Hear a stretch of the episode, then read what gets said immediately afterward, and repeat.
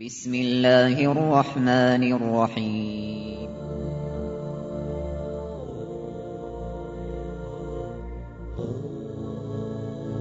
الرحمن العزيز الرحيم القوي السلام الكريم العظيم البصير العليم الحكيم الجبار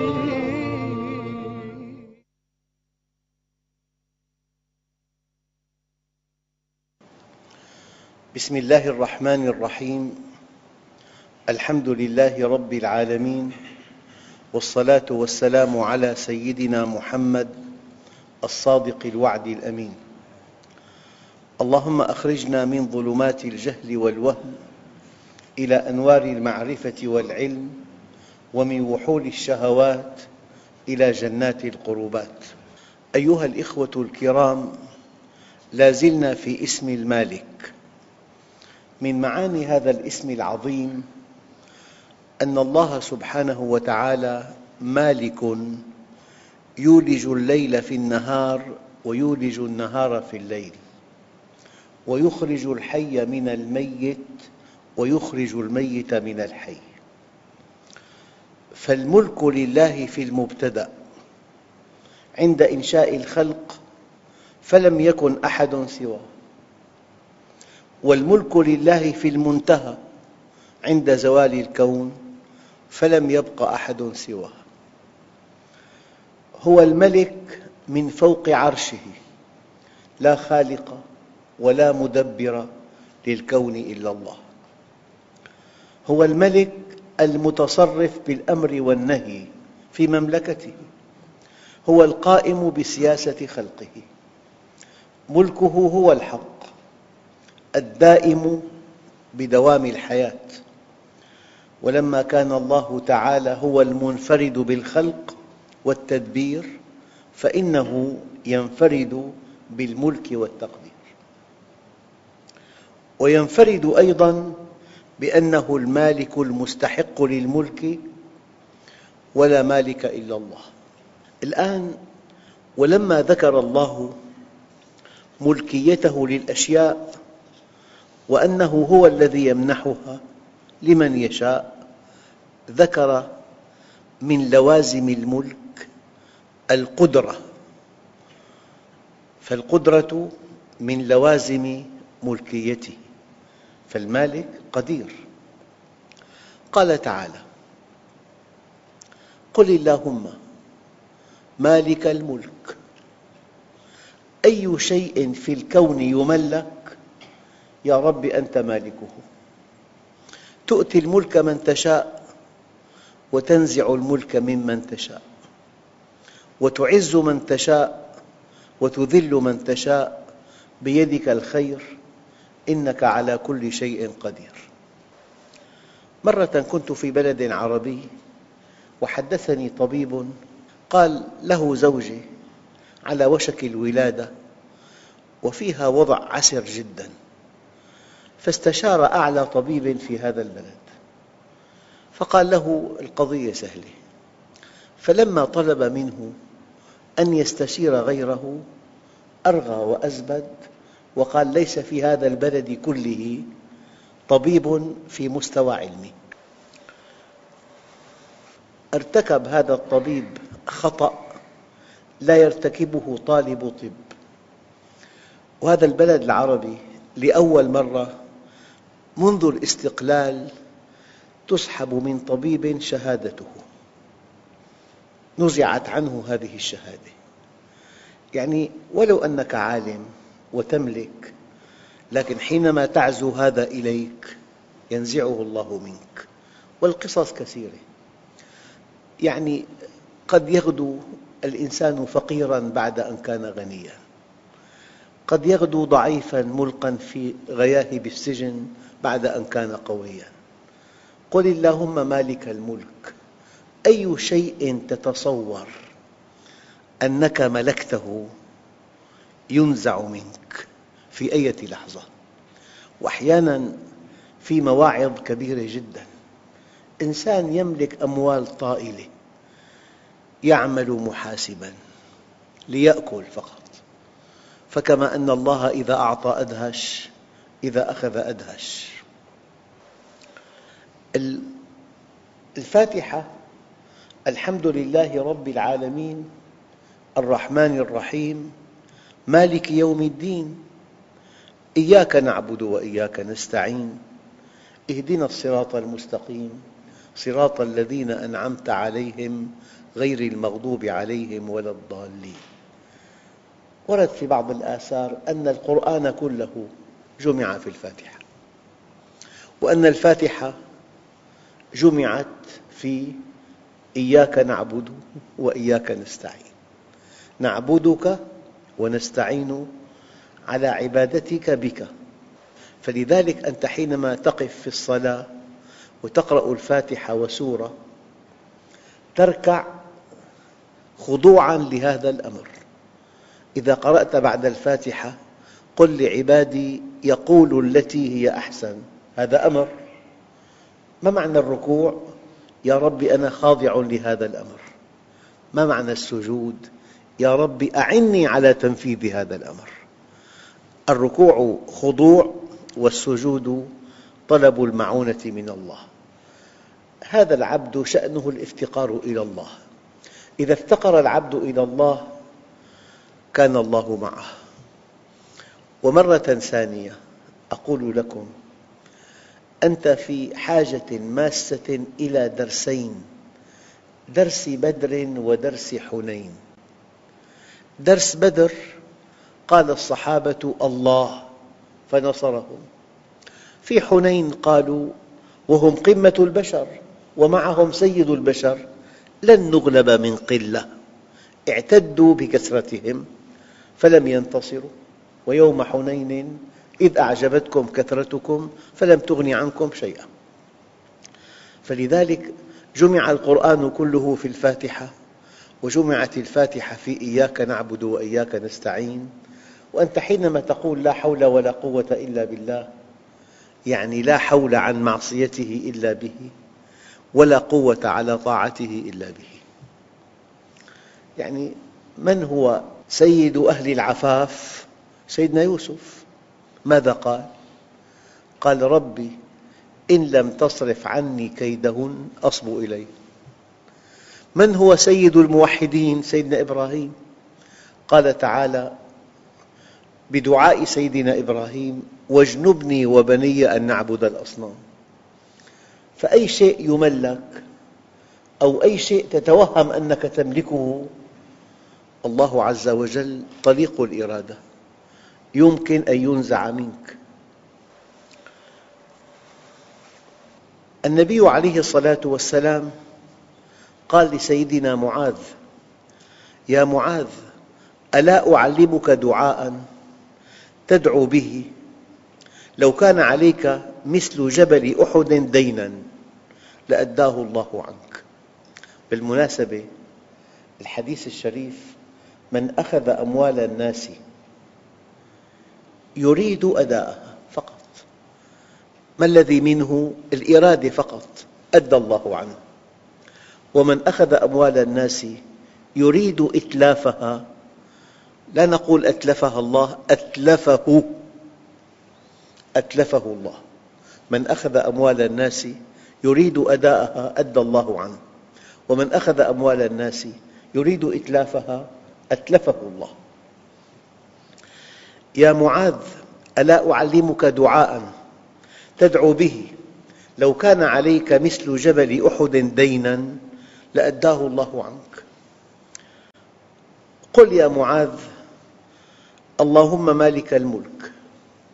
تؤتي الملك من تشاء وتنزع الملك ممن تشاء وتعز من تشاء وتذل من تشاء بيدك الخير إنك على كل شيء قدير. رحمن الدنيا والآخرة ورحيمهما. تعطيهما من تشاء وتمنع منهما من تشاء. ارحمني رحمة تغنيني بها عن رحمة من سواك. الله عز وجل يقول تبارك الذي بيده الملك. يعني سمعك بيده بصرك بيده عقلك بيده يكون إنسان سيد البيت أب أولاد بنات أصهار كنائن مكانة تجارة يختل عقله يذهب أهله إلى أقرب الناس إليهم يتوسطون لإيداعه في مستشفى المجانين. عقلك بيده سمعك بيده بصرك بيده حركتك بيده زوجتك بيده. يقول بعض العارفين بالله أعرف مقامي عند ربي من أخلاق زوجتي. أحيانا يسلس قياد الزوجة أحيانا تعانده.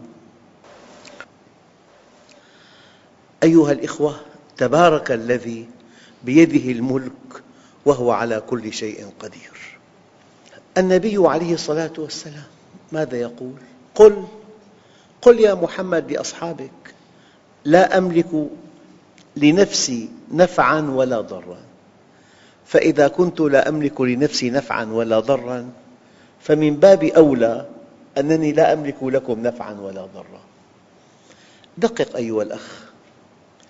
سيد الخلق وحبيب الحق وسيد ولد آدم الذي اصطفاه الله على كل الأنبياء والرسل والذي أقسم بعمره الثمين والذي ما خاطبه باسمه أبدا. يا أيها النبي يا أيها الرسول. هذا قمة البشر. ومع ذلك قل لا أعلم الغيب. قل لا أملك لكم نفعاً ولا ضراً. قل لا أملك لنفسي نفعاً ولا ضراً. قل إني أخاف إن عصيت ربي عذاب يوم عظيم. أربع آيات. أي إنسان من المسلمين إلى يوم الدين ادعى أنه يعلم الغيب فهو كاذب. اركل كلامه بقدمك. وأي إنسان من المسلمين إلى يوم الدين ادعى أنه يفعل ولا يفعل اركل كلامه بقدمك. لا أملك لكم نفعاً ولا ضراً. لا أعلم الغيب. لا أملك لنفسي نفعاً ولا ضراً. قل إني أخاف إن عصيت ربي عذاب يوم عظيم. أخواننا الكرام التوحيد شيء مهم جداً. إنسان يدعي أنه يتنبأ الغيب. إنسان يدعي أنه يعني يفعل ولا يفعل. هذا كله من أنواع الشرك الخفي. والنبي عليه الصلاة والسلام يقول أخوف ما أخاف على أمتي. الشرك الخفي. أما إني لست أقول إنكم تعبدون صنماً ولا حجراً ولكن شهوة خفية وأعمال لغير الله. أيها الأخوة علاقة المؤمن بهذا الاسم علاقته بهذا الاسم اعتقاد وسلوك. فالمؤمن ينبغي أن يعتقد أنه عبد في ملك سيده. وكلما تواضع العبد لربه رفعه الله. هل هناك من إنسان رفع الله ذكره كرسول الله وكان في أعلى درجات العبودية لله؟ علاقة المؤمن بهذا الاسم أن يعتقد أنه عبد في ملك سيده مستخلف في أرضه أمين على ملكه. قد ابتلاه الله فيما أعطاه. امتحنك فيما أعطاك. أعطاك قوة أعطاك مالاً أعطاك ذكاء أعطاك طلاقة لسان أعطاك علماً. أنت ممتحن فيما أعطاك. امتحنه واسترعاه. الآن هذا الإنسان أيرد الملك إلى المالك أم ينسب للمخلوق أوصاف الخالق؟ ماذا قال قارون؟ إنما أوتيته على علم عندي. ماذا قال فرعون؟ أليس لي ملك مصر؟ ماذا قال أهل وجماعة بلقيس؟ نحن أولو قوة وأولو بأس شديد. ماذا قال إبليس؟ أنا خير منه. هي أربع كلمات مهلكات. أنا ونحن ولي وعندي. أيرد الملك إلى المالك أم ينسب للمخلوق أوصاف الخالق؟ فيتكبر على العباد بنعم الله ويتعالى عليهم بما منحه الله وأعطاه فالموحد الصادق يتحرى في قوله وفعله توحيد الله في اسمه المالك. لا يتوكل إلا عليه ولا يلجأ إلا إليه لعلمه أن أمور الرزق بيده وأن المبتدأ منه والمنتهى إليه. إن إلينا إيابهم ثم إن علينا حسابهم. قل من يرزقكم من السماء والأرض؟ أمن يملك السمع والأبصار؟ ومن يخرج الحي من الميت؟ ويخرج الميت من الحي؟ ومن يدبر الأمر؟ فسيقولون الله فقل أفلا تتقون أيها الأخوة المؤمن الموحد لله بهذا الاسم المالك ينبغي أن يعرف نفسه وينبغي أن يعرف حقيقتها وحقيقة النعم وملكيتها قلت لكم سألوا راعي يرعى الإبل لمن هذه الإبل؟ قال أجاب أدق إجابة رائعة قال هي لله في يدي لمن هذا البيت؟ لله في يدي أسكنه لمن هذه المركبة؟ لله في يدي لمن هذه التجارة؟ لله في يدي الإنسان مهما عرف نفسه حق المعرفة فإنه إلى المالك الأوحد أذل من كل ذليل أعرف رجل ذهب إلى باريس وجاء بشهادة عليا تسلم منصب معاون وزير لوزارة مهمة جدا وهو يعني يحمل شهادة عليا وله زوجة تروق له ومنزل بأرقى أحياء دمشق ومركبة فاخرة. فقد بصره. فقال لأحد أصدقائه وهو صديقي قال له والله أتمنى أن أجلس على الرصيف وأتكفف الناس وأن يرد الله لي بصري. لا تملك شيئا. قل اللهم مالك الملك. كن مع الله ترى الله معك. واترك الكل وحاذر طمعك. وإذا أعطاك من يمنعه ثم من يعطي إذا ما منعك. فالمؤمن إذا عرف نفسه حق المعرفة فهو إلى المالك الأوحد أذل من كل ذليل. التذلل إلى الله عز يرفع شأنك يعلي قدرك يلهمك السداد في القول والعمل يطلق لسانك. أما إذا لم تكن عبدا لله كن عبد الله فعبد الله حر. إن لم تكن عبدا لله فأنت حتما عبد لعبد لئيم. إن لم تكن عبدا لله تنبطح أمام القوي تتذلل أمامه. أما إذا كنت عبدا لله فأنت في عز ومنعة أحد خلفاء بني أمية جاء للحج قال ائتوا لي بعالم أنتفع بعلمه. فذهبوا إلى الإمام مالك فقال قولوا له العلم يؤتى ولا يأتي. بلغوه. فلما قالوا له ذلك قال صدق أنا آتيه. أبلغوه أنه سيأتيك. قال قولوا له إن أتاني لن أسمح له بتخطي الرقاب. قال صدق. أجلسوه على كرسي فقال الإمام مالك من تواضع لله رفعه ومن تكبر وضعه قال خذوا عني هذا الكرسي. يعني أنت حينما تكون مع الله تكون عزيزاً. والمؤمن إذا آمن باسم الله المالك يشكره على ما أعطاه وأولاه ويصبر عند المنع. لذلك قال ابن عطاء الله السكندري ربما أعطاك فمنعك ربما أعطاك فمنعك. وربما منعك فأعطاك. وإذا كشف لك الحكمة في المنع عاد المنع عين العطاء. ورد في بعض الآثار القدسية أنا ملك الملوك ومالك الملوك قلوب الملوك بيدي.